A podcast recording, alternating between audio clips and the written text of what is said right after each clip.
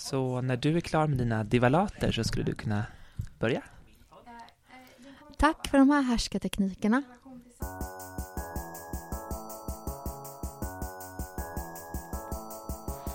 Vad är queer litteratur?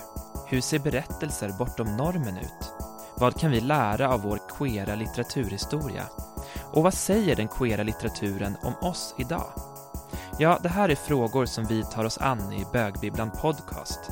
I den här podden kommer vi att presentera, diskutera och dissekera böcker från den queera litteraturhistorien och några av de mest spännande hbtqi plus-böckerna från vår samtidsutgivning. Vi som är med er i etern är Milla Leskinen, psykolog som knarkar bokcirklar och Max Bjuggfeldt, lärare och bögboksnörd. Den här veckan bjuder vi på samtal, reportage, intervjuer och boktips på temat Queer Exil. Välkommen till Bögbibblan Podcast, din skeva bokhylla.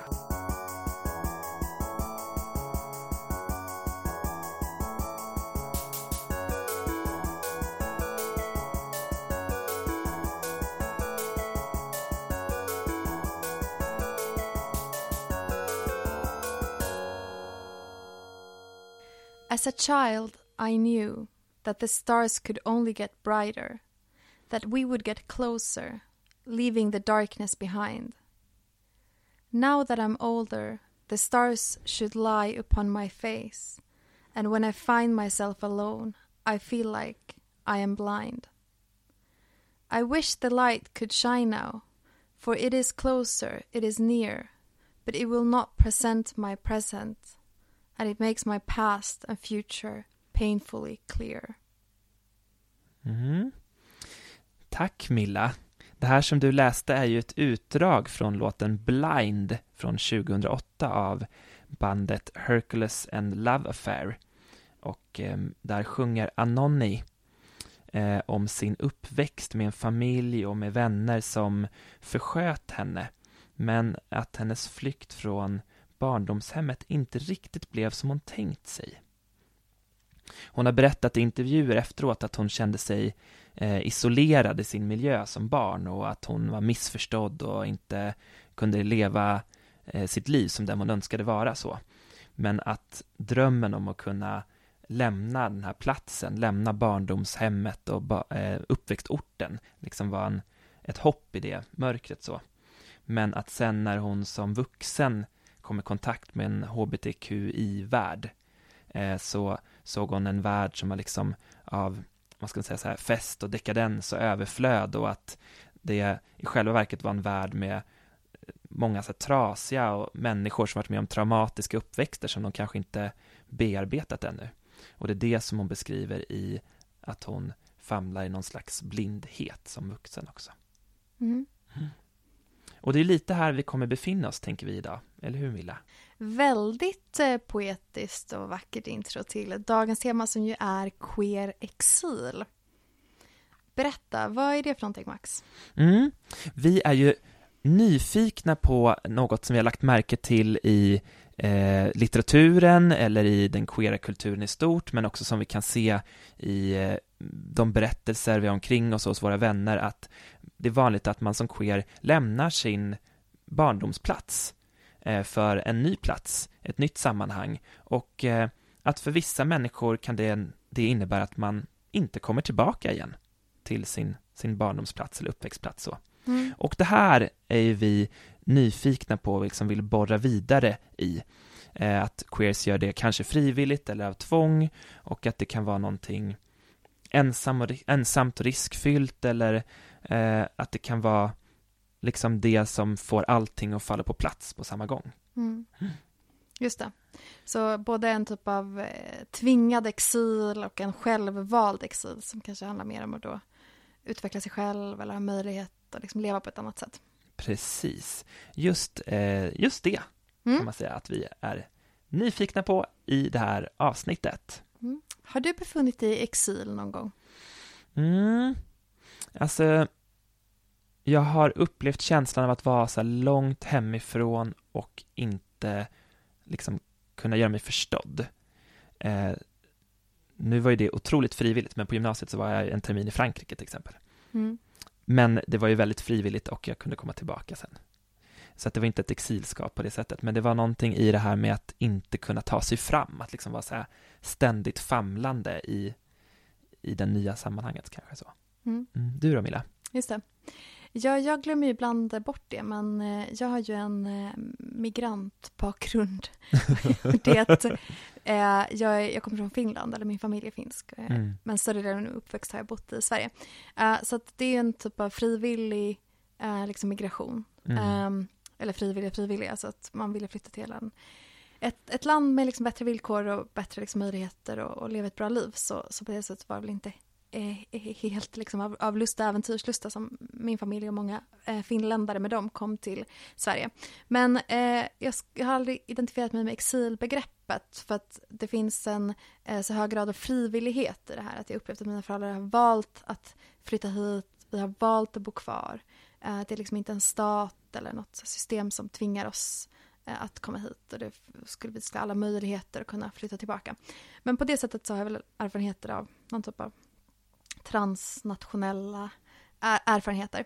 Eh, men sen som vuxen har jag också bott i, i olika, lite olika länder utomlands och eh, där har jag liksom sådana ganska arketypiska liksom erfarenheter av till exempel att försöka ta sig fram i byråkratin i Irland och liksom sitta i något väntrum och vänta på någon eh, liksom, tjänsteman som ska eh, ge någon blankett och man förstår ingenting och, och motsvarande liksom, så försöka kanske få läkarvård eller att försöka liksom, ta sig in i ett system och typ inte riktigt kunna reglerna och behöva eh, då ha någon liksom, person som tolk eller som kan liksom, hjälpa en fram i det här. Så, att, så den typen av, av erfarenheter eh, har jag absolut. Men jag tror att det är en liksom, fundamental skillnad i att jag har valt att försätta mig i de här situationerna själv och jag har varit där frivilligt. Och det har inte varit för att liksom, eh, mitt hem är en omöjlig plats för mig att vara på.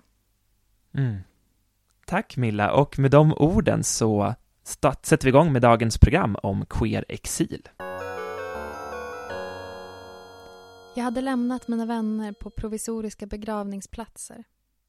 Mitt huvud är en gravplats, full av minnen av de döda vars vålnader hemsöker mig vart jag än går. Jag stänger fönstret, drar för gardinen och sätter mig på sängen med en känsla av färsk sorg. I jakt på något spår av hopp stryker jag med handen över väggen, kurar ihop mig på den nya madrassen för att få huvudet att sluta snurra av de återkommande mardrömsbilderna. Jag är förvirrad, trött, hungrig. Min blick fastnar på en fuktfläck i taket ovanför mig. Den liknar en karta över Syrien. Jag stirrar på den utan att veta hur lång tid som förflyter. De följande veckorna förlorar tiden sin innebörd. Timme efter timme går och det finns ingenting att göra. En morgon vaknar jag med en molande smärta i magen. Jag kliver upp, dricker lite vatten och bestämmer mig för att lämna asylboendet och gå ut en sväng. Promenader är ingenting jag brukar ägna mig åt men för att kämpa emot den oändliga ledan som fyller mina dagar behöver trötta ut mig till kvällen så att jag kan somna. Khaled Al-Esmail Selamlik utgiven 2018. Jag säger till mamma att hon gifte sig med en patriark. Tänk så här, Amma, säger hon. Din far föddes som man i Ghana på 1920-talet medan du föddes som kvinna i London på 1960-talet. Och din poäng är, du kan inte riktigt förvänta dig att han ska fatta, som du uttrycker det. Jag säger till henne att hon försvarar patriarkatet och är delaktig i ett system som förtrycker alla kvinnor. Hon säger att människor är komplexa. Jag säger åt henne att inte vara nedlåtande. Flicka, kvinna, annan. Bernadine Evaristo, utgiven 2019. När vi kom till Amerika 1990 var hudfärg en av de första saker vi ännu inte visste något om. Så snart vi steg in i vår etta i det främst latinamerikanska kvarteret på Franklin Avenue den vintern hade reglerna för hudfärg ändrats och med dem våra ansikten. Lan, som i Vietnam såg som mörk, var nu ljusare. Och du, mamma, så ljus att du kunde passera som vit, som när vi var på varuhuset Sears och den blonda expediten lutade sig fram för att klappa mitt hår och frågade om jag var din eller adopterad. Först när du stammade, din engelska stympad, försvunnen med sänkt huvud insåg hon sitt misstag. Fastän du såg ut att passa in avslöjades du av din tunga. Man passerar inte i Amerika, tycks det, utan engelska. Nej, fröken, sa jag till kvinna på min engelska för invandrare. Det är min mamma. Jag kom ut ur hennes rövhål och jag älskar henne mycket. Jag är sju. Nästa år blir jag åtta. Det är bra. Jag mår bra. Hur mår du? God jul, gott nytt år. Flodvågen var exakt 80 procent av det jag kunde då och jag skälvde av välbehag när orden flög ur mig. Du trodde, som många vietnamesiska mödrar, att det är tabu att tala om kvinnliga könsorgan, särskilt mellan mödrar och söner. Så när vi talade om födsel nämnde du alltid att jag kommit ut ur ditt anus. Du brukade lekfullt daska mig på huvudet och säga Den här väldiga skallen rev nästan upp mitt rövhål. Bestört, med darrande permanent, vände expriten om och klickade iväg på sina klackar. Du såg på mig. Vad fan sa du? Ocean Wong, En stund är vi vackra på jorden, 2019. De första veckorna i Amerika var det kallt och snön föll tätt, som om den skyfflades ut från himlen. Det var Adans första vinter och hon gjorde en snöängel eftersom det var det hon hade väntat på. Att ligga med armarna utslängda och benen brett isär. Att flaxa och flyga tills helgonskapet bredde ut sig under henne. Sachi stannade i två veckor innan hon flög och hälsade på Shima. Innan hon reste tillbaka till Saudi, återigen med mellanlandning i Addis. Och så var Adan ensammare än hon någonsin hade varit förut. Vi kände precis likadant som hon, ensammare än vi någonsin kunde minnas. Bortryckta från platsen där vår första och andra födelse hade ägt rum. Förda över ett hav i ett flygplan utan något returdatum.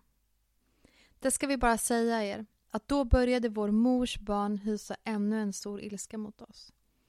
Det var en bieffekt av att befinna sig i en kropp. Det faktum att människorna hade ett mänskligt liv. Det var oundvikligt att Adam skulle gå på universitetet. Att hennes liv skulle fortsätta att gå framåt på ett sätt som inte hade någonting med oss att göra. Hon läste biologi som huvudämne. Hon ville bli veterinär eftersom hon älskade djur. Oss gjorde det detsamma. Vi var hungriga inne i henne. Vi var rasande på denna värdelösa dödlighet. Som om vi skulle kunna vara rasande raka vägen till världen vi kom ifrån. Vi var rasande över tvångsförflyttningen till ett nytt land. Aquake Emesi, Sötvatten, 2020. Ja, och det där vi hörde nu var utdrag från olika litterära skildringar av queer exil. Ja, Milla, queer exil, vad är det? Mm. Eller vad är exil? Är det där vi ska börja? Ja, vi, får, vi får börja där tror jag. Jag eh, förlorade mig i Wikipedia-djungeln här och eh, ställde frågan till Google. Vad är exil? Eh, vet du var ordet kommer ifrån? Eh, nej, nej, det vet jag faktiskt inte. Mm. Det, är, det är, betyder också landsflykt eller landsförvisning. Så det avser alltså en person som har tvingats eller som behöver bo utanför sitt eget land men utan att ha släppt sin identifikation med hemlandet. Mm. Och personen kan också kallas för exilanten. Oj, Ja, wow, det ordet har jag aldrig hört förut. Exilanten. ja. Okej, så att det är en person som inte kan vara kvar i sitt land Mm. och måste leva i ett annat land men fortfarande identifiera sig med, med sin nat- tidigare nationalitet liksom. ja. Mm. Och att ursprungaren har alltså eh, hänvisat, eller liksom syftat på landsförvisning eller deportation. Men nu pratar man ju också om exil i vidare termer som en, någonting som man kan göra då, mer eller mindre frivilligt. Mm. Men det jag tänker är liksom centralt för hela exil, eh, liksom begreppet men också upplevelsen så är det ju en typ av förlust. Ett förlust av ett hem, ett sammanhang, ett språk och en tillhörighet.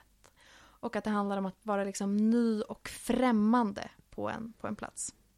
Just det, så det räcker inte med att flytta till Uppsala från Stockholm direkt. Jag tror inte att det det räcker för att du ska kunna kalla dig för exilant. Nej, Ex-exilant. Eftersom du numera bor i Stockholm. just ja, tillbaka Ja. på ruta ett. Men jag tänker att det är någonting som är centralt här också. Att det är att hemmet, eller det tidigare hemmet, är en nu omöjlig plats. Jag gissar att Stockholm inte var det, eller jag vet inte om det var att du hade Nej, krossa, krossat nej. så många hjärtan på stan. Att, att du inte vågade röra, röra mig där. Just det, så att det är liksom, man, man vet om att man aldrig kommer komma tillbaka till den platsen, eller den kanske inte ens finns kvar längre. Mm. Den kanske liksom har förstörts eller försvunnit eller, ja. Ja men precis, så typiskt så tänker man kanske på personer som då har behövt fly från krig eller politiskt förtryck eller våld, hot om våld.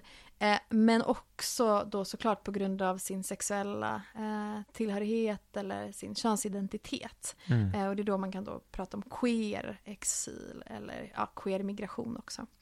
Um, men det, det, jag tänker också att det som är intressant med liksom exilbegreppet är också att det är också ett perspektiv på det nya landet.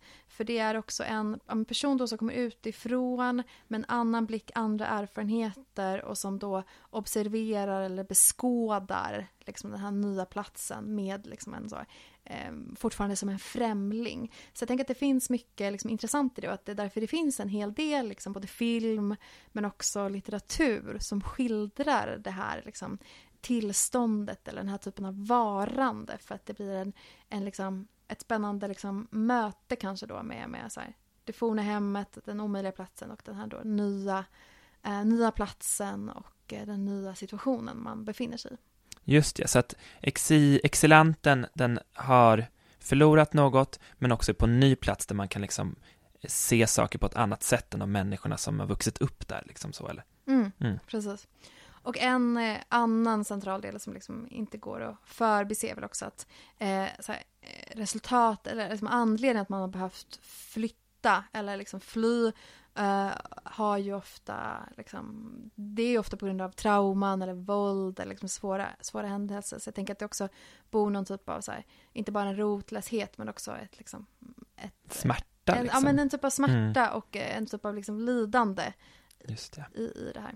Som kanske gör en ännu mer främmande för nya platsen för att ingen annan där vet om vad man har varit med om eller kan förstå det traumat eller den smärtan liksom. Mm, Som gör att man blir ännu mer i, mm. främmande liksom på något Mm. vis. Just det. Ja.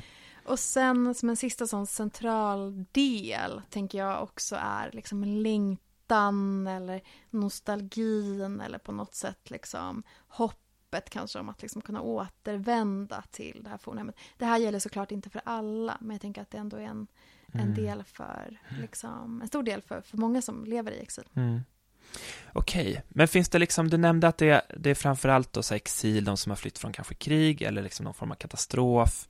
Finns det, finns det några olika sorters exil eller är det, Mm.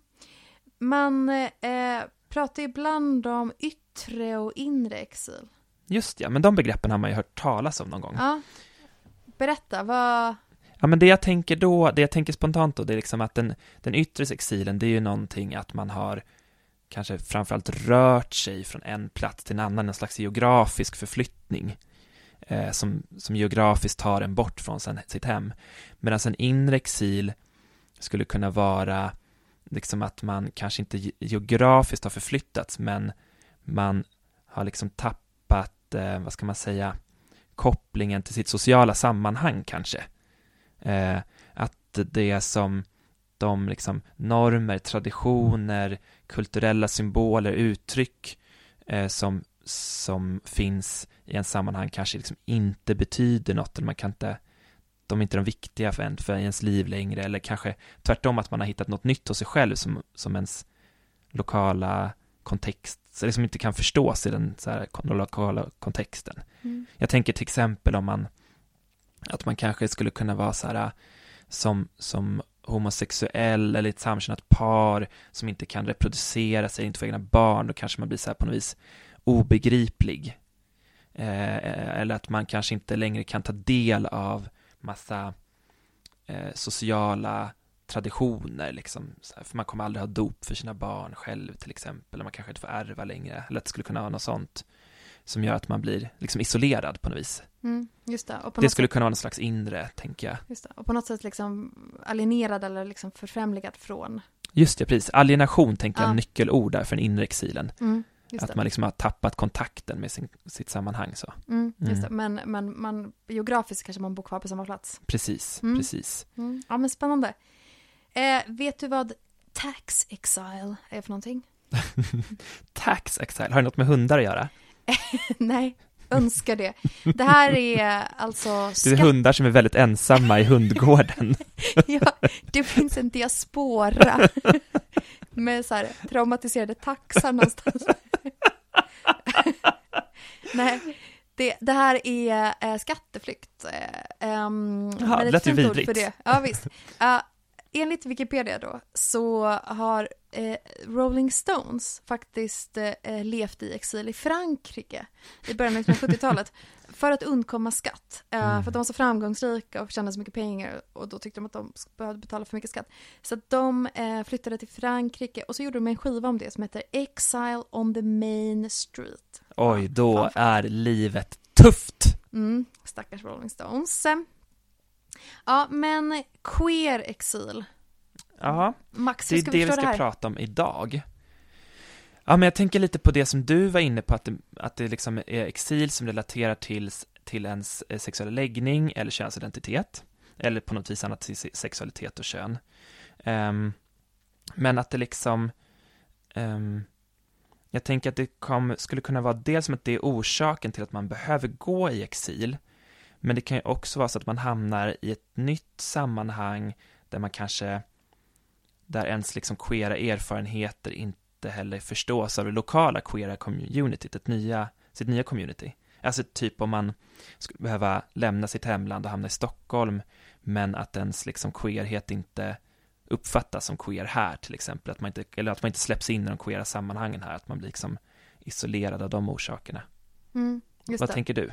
Just det, precis. Man har dels behövt flytta kanske från det land man växte upp i, men också från ett queert community som ändå kanske har varit möjligt i det landet. Mm. Och så liksom man förlorar liksom både och.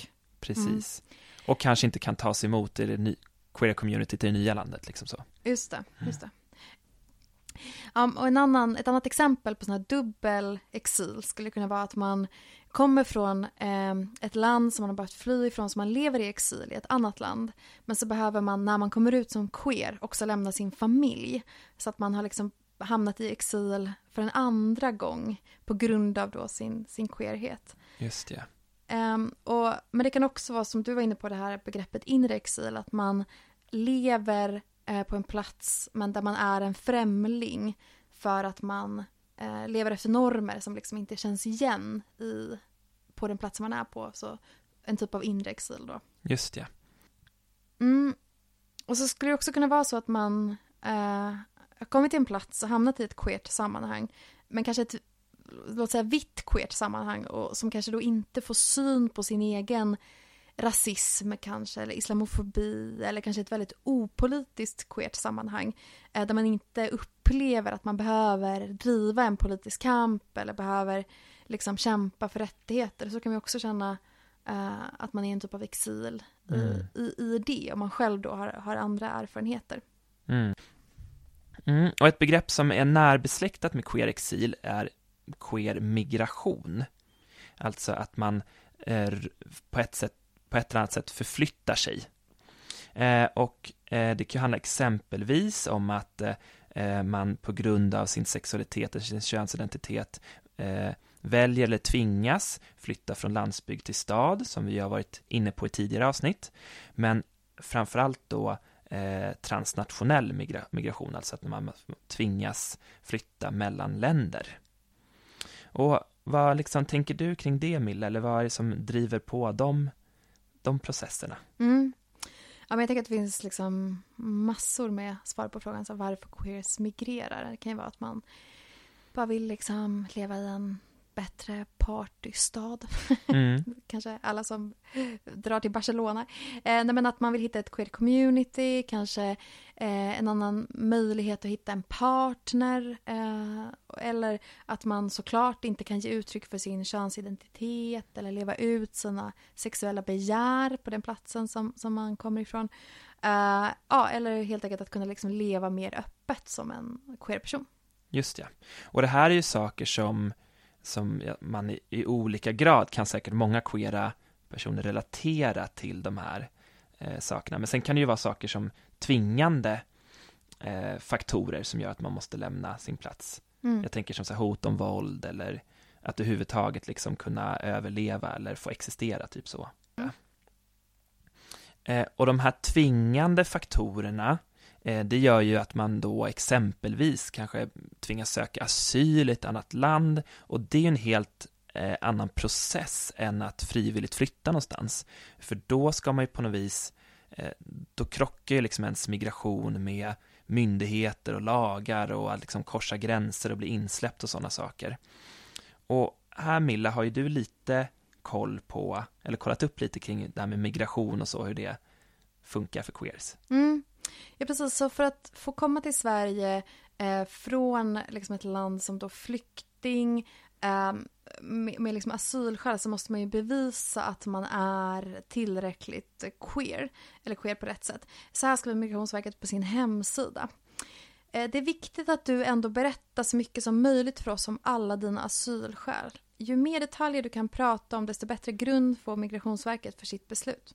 Utredaren kommer också att ställa frågor om din sexuella läggning, ditt könsuttryck eller din könsidentitet. De tankar och de känslor du haft kring det och dina relationer till familj, vänner och det samhälle du levt i. Alltså det här visar ju då på att liksom för att liksom samhället ska säga att så här, du får stanna, välkommen hit, så, så, måste du vara tillräckligt bra på att berätta om dina queera erfarenheter mm. och liksom också ha rätt typ av erfarenheter för att liksom då ses som en en trovärdig då queer flykting. Ja, och det är ju inte bara erfarenheter, det är ju tankar och känslor och relationer till familj, vänner och samhälle. Alltså, jag tänker typ själv så här, hur många människor jag berättat så här mycket om mig själv för, och framförallt myndighetspersoner, typ aldrig. Det är otroligt, jag tänker att det måste vara otroligt få svenskar som har liksom gjort det här, mm. berättat så här mycket för någon. Och det är så speciellt att ens liksom känslor och begär på något sätt är eh, liksom grunden för om den här myndighetspersonen liksom tar ett mm. visst beslut. Just ja, och man kan ja. verkligen tänka också att i att så här, så den rikedom på så här sexualitet och könsuttryck som finns i världen och så här, bara tänk på allt som har hänt med språk i Sverige de senaste decenniet, så här, har man ens samma liksom begrepp och ord alltid för att uttrycka det som Migrationsverket vill höra, typ så. Mm. Välkommen hit, Andy. Tack så mycket. Berätta för våra lyssnare, vem är du? Vem är du? Vem är jag? eh, oj då, vad, vad, vill ni höra? Var ska jag börja? Var ska jag sluta? Um, jag har skrivit en bok som heter Kom ut, kom in.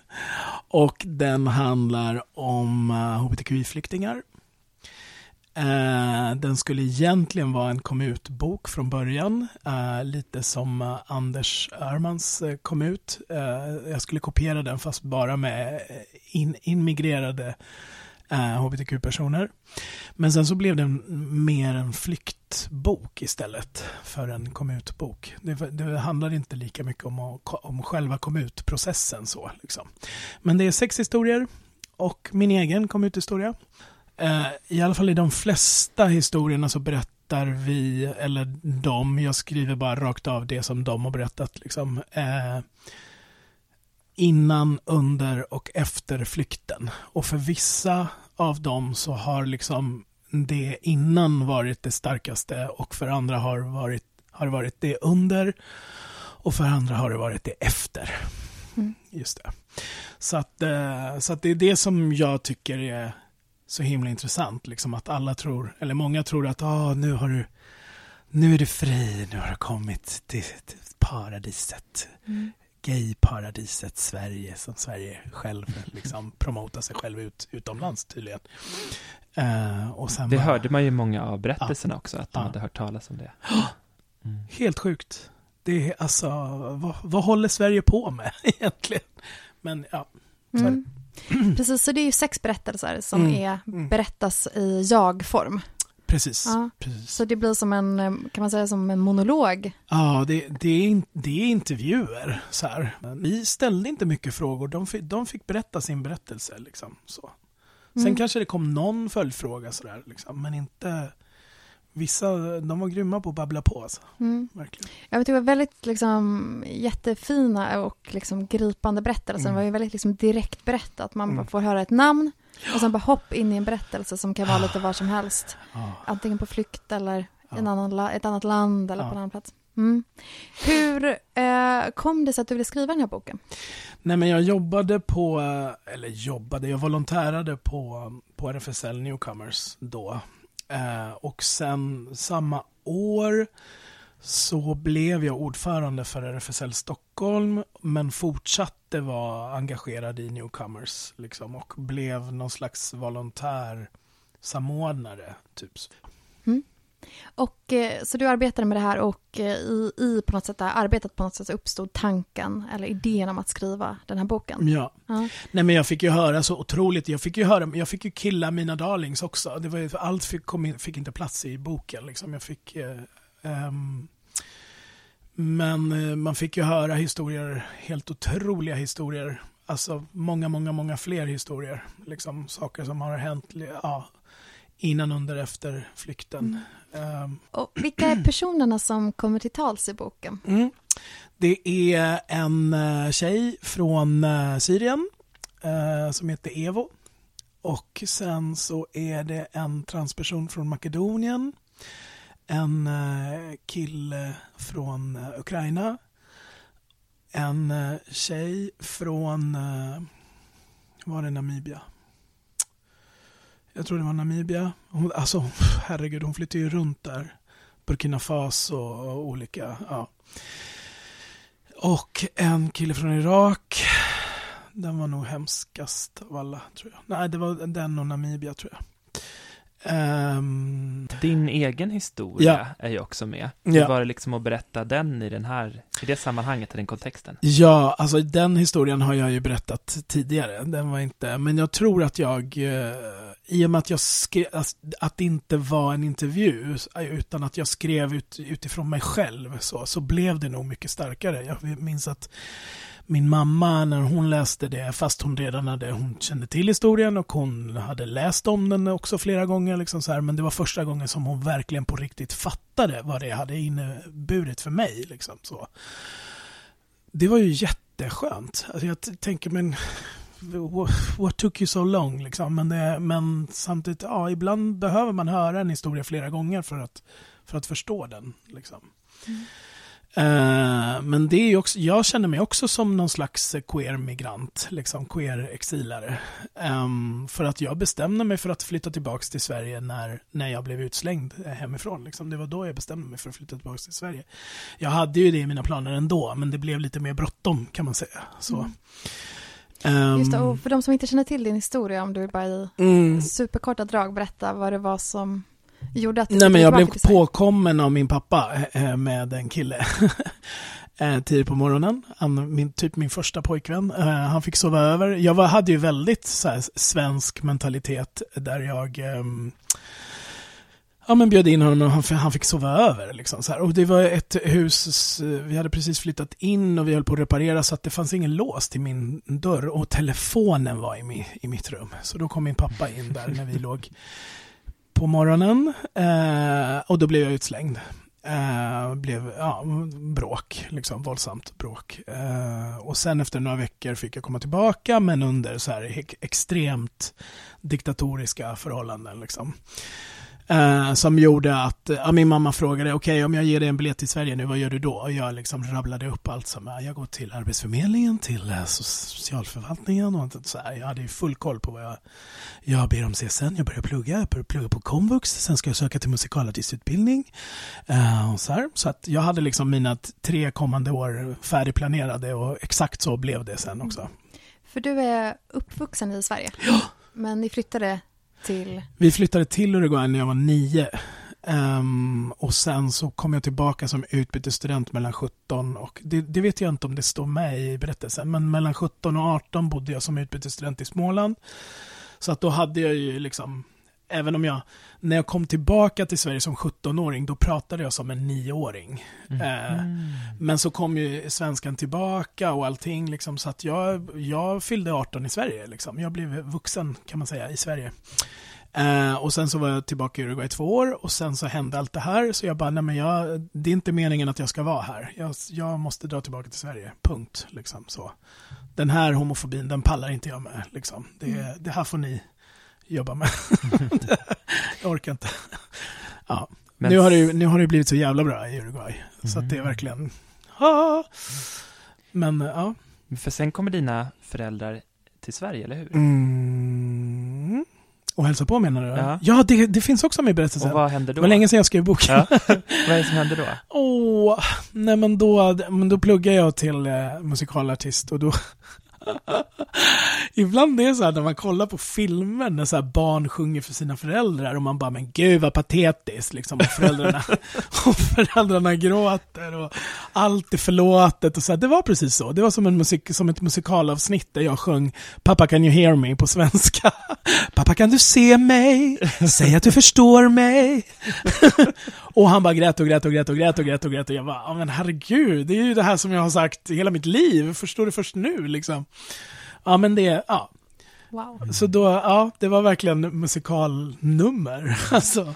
Man ryser lite så här när man hör det så, din berättelse. Ja, vad kul. Men det är, tänker jag är väldigt, eh, för det här är ju, inleds ju din bok med, Ja, den här ja. berättelsen som, Mm. som slutar bra i boken. så. Min berättelse slutar bra. Ja, Ja, precis. Ja, precis. Och jag tänkte på det, det var lite roligt att du nämnde också Anders Öhmans bok ja, kom ut. För den läste jag när jag var typ 14 kanske. Ja. Eh, och så nämnde du att den, liksom, du hade den i bakhuvudet när du skrev eh, den här boken, eller gjorde de här intervjuerna.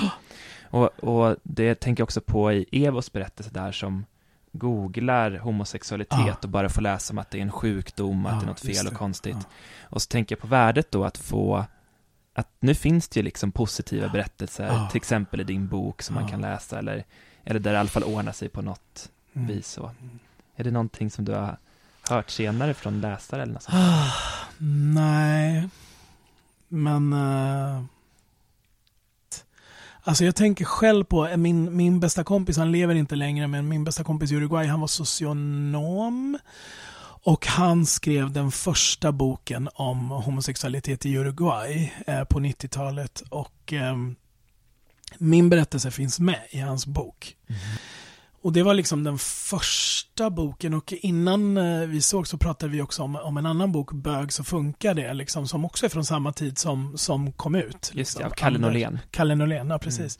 Och att det var, det var då det började komma böcker om oss. Liksom. Jag kommer ihåg, till och med ihåg en bok som jag skaffade som hette Såna som oss. Liksom. Eh, och som var liksom blandade men ändå positiva så här. Men eh, ja, man fick, ju, man fick ju researcha lite hårdare då. Än, nu, är det ju, nu är det ganska lätt att hitta. Eller lättare att hitta. Nu, nu ska ju Magisterleken, jag vet inte om ni har pratat om den, att den ska bli film. Ja, Kristoffer Folkhammars. Ah! Ja, Har ni det sett trailern? Nej, jag inte visste inte att det hade kommit än. Så jävla bra. Ja, Ja, det finns ju till och med poddar om queer-litteratur. Som eh, våran. som ni! Civilisationens Det var framsteg. dit ni ville komma. Ja, ah, nu fattar jag. Ja. Nej. Men eh, jag är nyfiken på, du sa att du ser dig själv som en queer-migrant. Vad, Ja, ja. vad betyder det för dig? Nej men jag kommer ihåg att jag, när jag blev utslängd av min pappa, då gick jag till svenska ambassaden. Jag vet inte om det finns med på boken, men jag gick faktiskt till svenska ambassaden. Gud vad hon alltså, gud vad hon var korkad alltså, my god. Men förlåt, men eh, så jag bara, hej det här och det här och det här har hänt. Jag har blivit utslängd eh, på grund av min sexualitet, vilket jag vet att man kan få asyl för. Jag har svensk medborgarskap, så att det, är väl, det är väl bara att ta tillbaka mig. Hon bara, det enda sättet. Hon ställde jätteprivata frågor. Alltså så här bara, för då, var, då identifierade jag mig själv, eller ja, som bisexuell då. Så bara, hon ställde jätteintima, jätteprivata frågor. Man bara, what the fuck har du med det här att göra? Liksom, så här. Men visst, hon behövde väl den informationen, jag vet inte. Eh, men i alla fall så uh, sa hon att enda sättet för dig att få en biljett, för det var ju det jag var ute efter, en biljett till Sverige för att komma tillbaka till Sverige, det är om du gör lumpen. Oj! Vilket krav! Och hon, alltså, och, ja, jag bara, okej, tack, jag tror jag klarar mig. Oj. Nej men alltså, Hur gammal var du då? Ja men då var jag väl, eh, var jag 19? Ah. Ja, 19, 20. Ja. Mm. Mm. Ja, härligt välkomnande i Sverige. Och jag bara, är det några snygga? Jag har hört om Gotland. Hur mycket bögar det? Väg en. Bögar. Det var, var det ett rykte eller var det på riktigt? Hamnade alla bögar på Gotland? Jag både vill tro och vill inte tro att det var sant. Ja, Mm. samma här. Exakt. Ja. Eh, Det här avsnittet handlar ju om queer exil. Eh, Vad tänker du att queer exil är för någonting? Nej men man flyr ju sitt land eller det landet man bor i på grund av förföljelse på grund av eh, antingen sexuell läggning eller könsidentitet eller könsuttryck. Ehm, att man inte kan, alltså att ens liv är i fara, alltså det är ju det är jättetydliga liksom så här, ens liv är i fara, man blir mobbad av allmänheten, man blir nedslagen på gatan och så vidare. Liksom.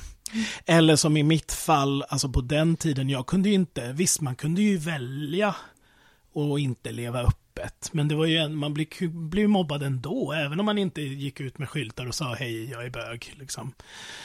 Men, eh, men jag, på min tid, jag kunde inte vara öppen varken på jobb eller på skola eller så här. Även om, jag, om det fanns mycket queer-rörelse och, och framförallt på uppgång så här så kunde, alltså visst hade jag en kompiskrets och en umgängeskrets och så här. Men det var inte, och jag kommer ihåg att jag, jag var ju väldigt straight acting på den tiden. um, så att jag var ju lite passing då. Men, men jag kommer ihåg att det fanns andra som inte var det och jag försökte verkligen så här visa mitt stöd och så här. Liksom. Inte komma ut själv och säga jag är som du, utan mer så här han är faktiskt helt okej fast han är bög eller hon är faktiskt helt okej för att hon är flata liksom. Um, men, det, men, men det gick inte att leva så. Alltså jag kunde inte andas. Alltså det var verkligen, det, det, det går inte. Det går inte och om man inte får vara sig själv någonsin. Liksom. Var det här när du bodde i Uruguay?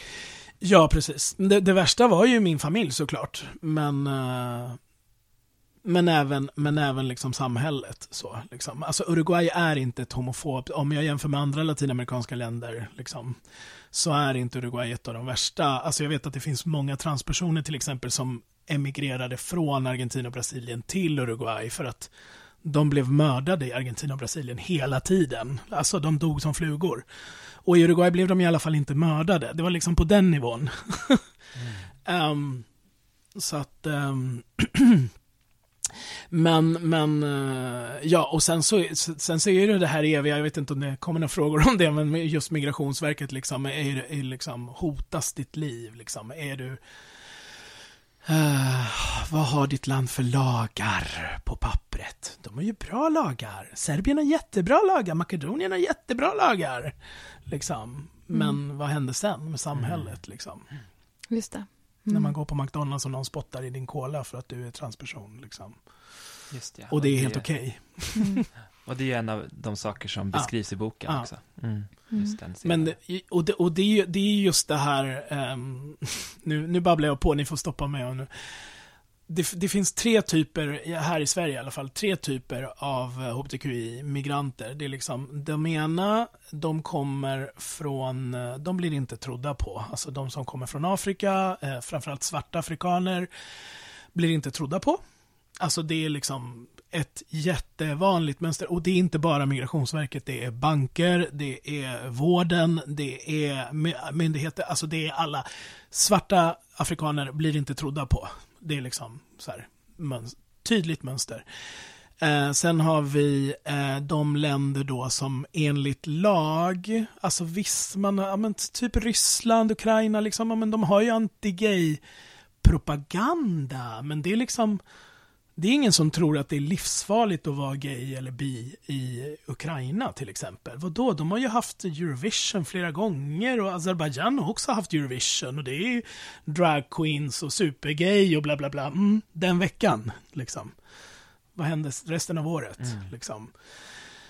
Ehm, och, då, och då är det de här, de blir ju tillbaka skickade. Alltså d- svarta afrikaner blir ju tillbaka skydda- skickade för att de inte blir trodda på. Eh, och eh, de här personerna från länder som är, som är säkra enligt UD och enligt Migrationsverket. Som alla latinamerikanska länder, as, de flesta asiatiska länderna och eh, östeuropeiska länderna. De är säkra, man, dör, de, man blir inte död. Alltså det, och sen kommer då MENA då, som är Mellanöstern och eh, ja, Middle East och North Africa. Liksom. Det är Mellanöstern och Nordafrika som får asyl på grund av andra skäl.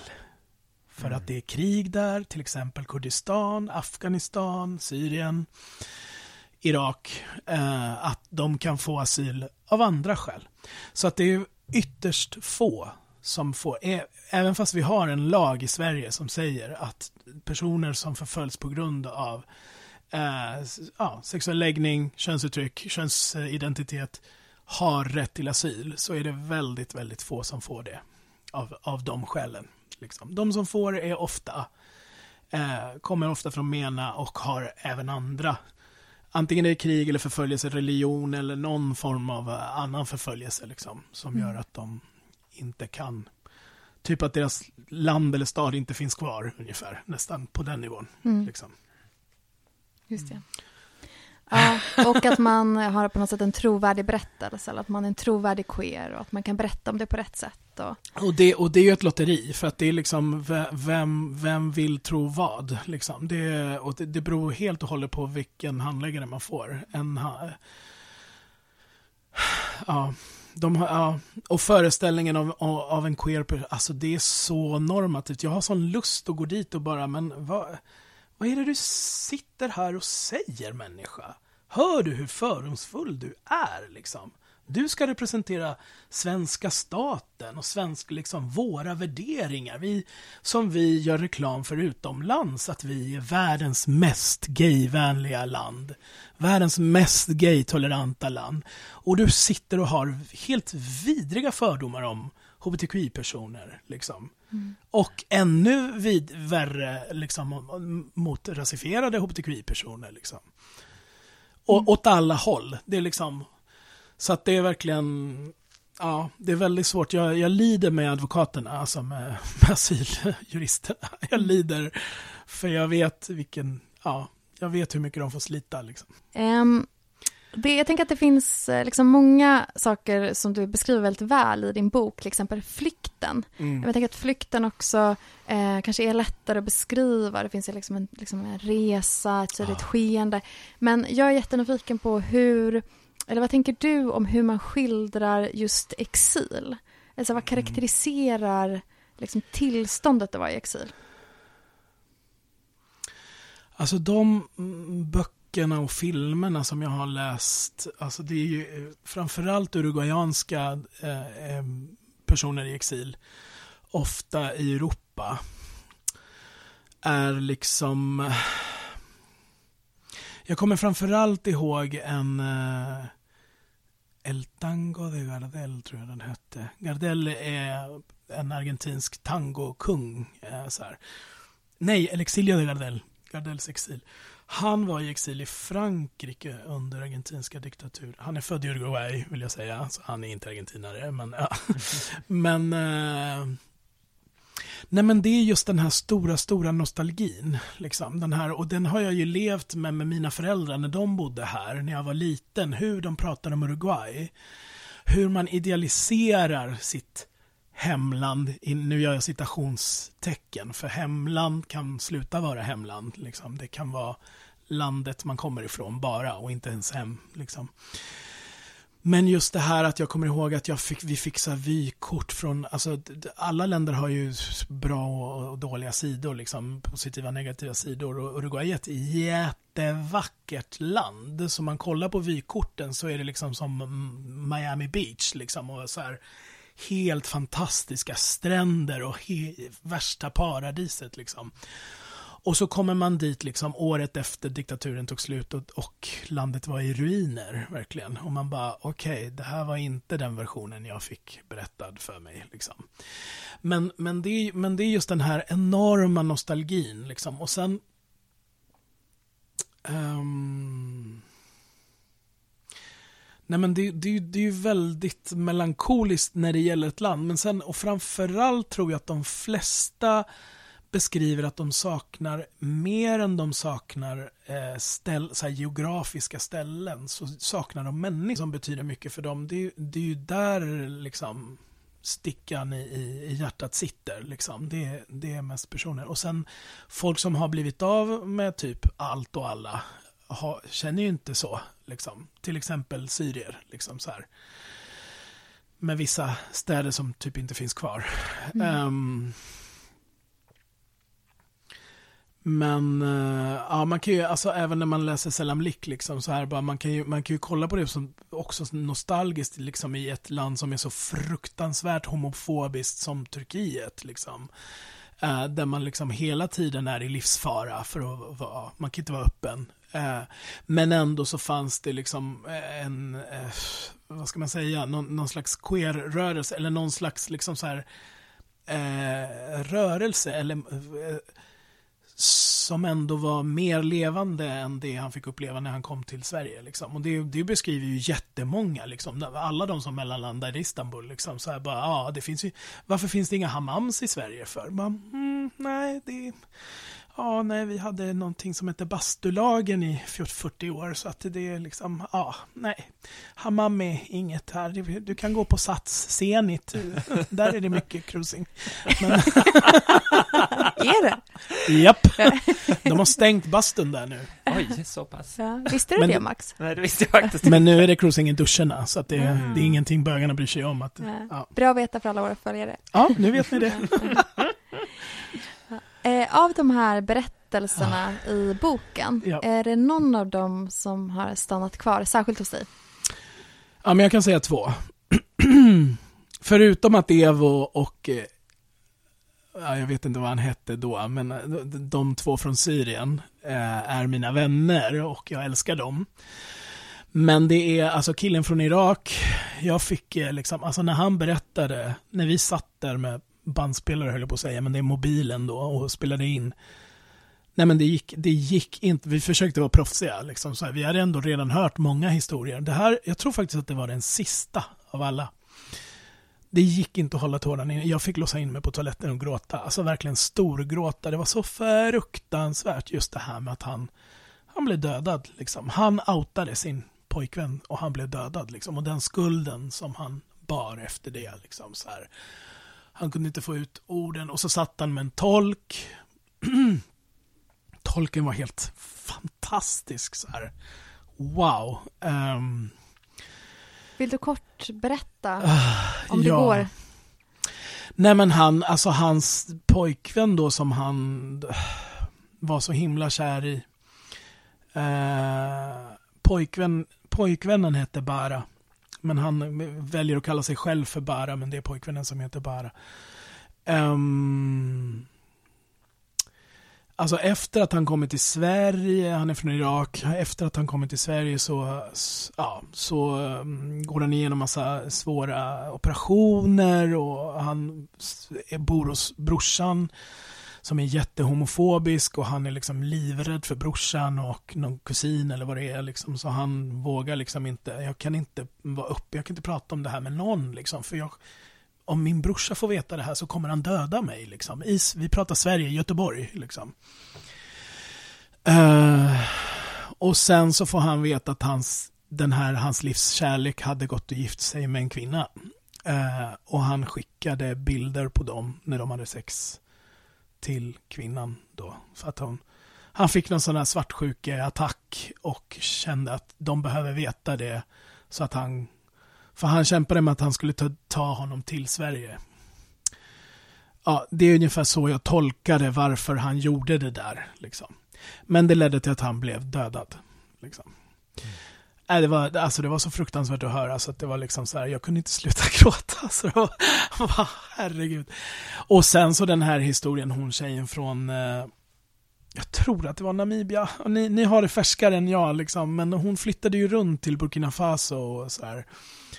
Uh, nej men hon blev ju ner, först blev hon nerputtad i en, uh, ett vattenfall och sen nergrävd i en grop av liksom samhället, häxdoktorn och si- sina föräldrar. Liksom så här, en hel natt var hon nedgrävd i en grop där hon grät och grät och grät och grät och grät. Alltså, För att hon skulle bli av med sina demoner. De tror att liksom homosexualitet är demoner då. Ja, man kan ju undra vad- vilka demonerna var där i den här berättelsen. Men, eh, men det var också så här bara, men hur behandlar man sitt eget barn? Liksom?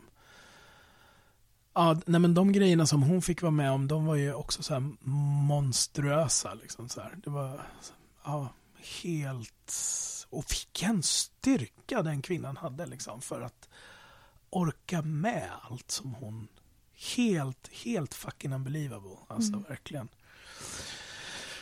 Ja, det var väl de två som Mm. fastnade mest i ja, Mm. skallen. Mm. Ja, jag har ju lyssnat på den här Mm. som ljudbok med din Mm. inläsning. Så Mm. tack för den. Tack. Ja, man behövde verkligen eh, liksom stanna upp ibland och bara eh, Gud, vad är det som, vad är det de säger? Alltså, vad, kan det vara så här att det verkligen Ja. Man är så himla otroligt van att bara lyssna på grejer och liksom Ja. inte riktigt ta in men sen när man liksom verkligen stannar upp och föreställer sig hur, Ja. hur det har liksom levt i livet och att just som du också säger att det inte är ett så här, ja men sen blev allt bra utan sen fortsätter Ja. eländet och man Ja. hittar liksom inte sin plats och kämpar med att hitta sitt community Ja. eller fortsätter ha svårigheter med sin familj och att Ja, det verkligen exakt. är som du också var inne på att det är inte den här uh, happy ending Nej. liksom så fort man landar på Arlanda. Mm. Tvärtom. Liksom. Ja. Mm. Och rädslan, alltså jag har ju upplevt även med, med andra eh, newcomers, liksom rädslan för sina landsmän, som de kallar dem, liksom, livrädda. Så fort som, som de hör någon som pratar samma språk och samma dialekt liksom som dem, så blir de så här, man ser skräcken i deras ögon, liksom så här, det är mina landsmän, hjälp, Mm. jag kan bli upptäckt, jag kan, ja, de kanske känner någon kusin till mig, eller någon som, någon som känner någon som känner någon som känner mig, liksom. Ja. Mm. Ja. Vad tar du med dig liksom, personligen från den här erfarenheten av att ha hört de här berättelserna och Mm. skrivit den här boken? Vad har det gjort med dig? Jag, jag har ju blivit, jag har faktiskt blivit ganska bitter på på det svenska systemet. Så här. Just på det här med myten om oss själva. Liksom, att vi skryter, vi, alltså när man läser på UDs eh, hemsida, liksom så här, vi, skry, vi gör eh, vodka-reklam utomlands. Alltså absolut, jag, vet, jag kanske inte får säga här, men okej. Men vi gör liksom så här reklam, Ikea, Absolut Vodka, så här, är liksom supergay utomlands. Alltså vårt, vår image utomlands är att vi är ett supergay-land. Liksom. Att vi verkligen queer Sweden. Liksom.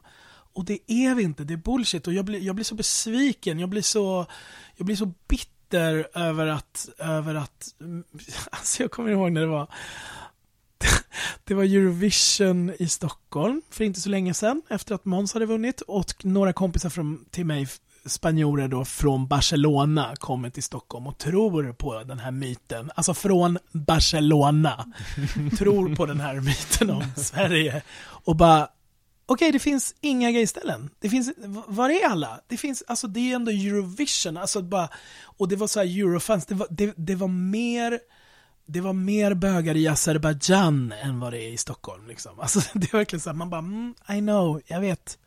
Det är en myt. Allt är en myt. Det är en lögn. Liksom. Så här. Uh, och sen så, det finns ju en överlag en tolerans, jag hatar det ordet, liksom, men det finns en tolerans i samhället och det finns, det är fult att vara homofob.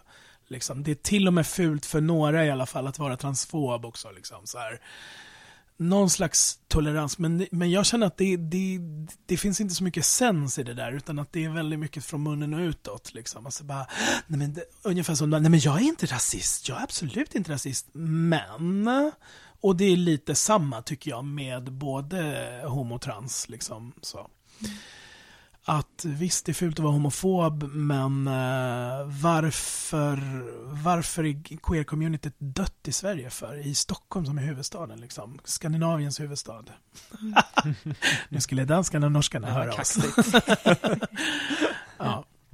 Ja, så du skrev boken och blev bitter? Jag har varit bitter väldigt länge.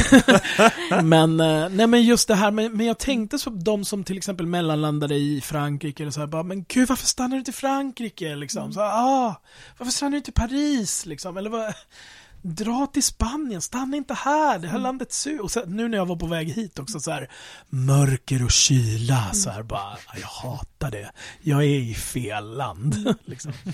Men samtidigt, ja, det kanske finns någon, någon slags trygghet. Liksom. Nå, ja. Mm.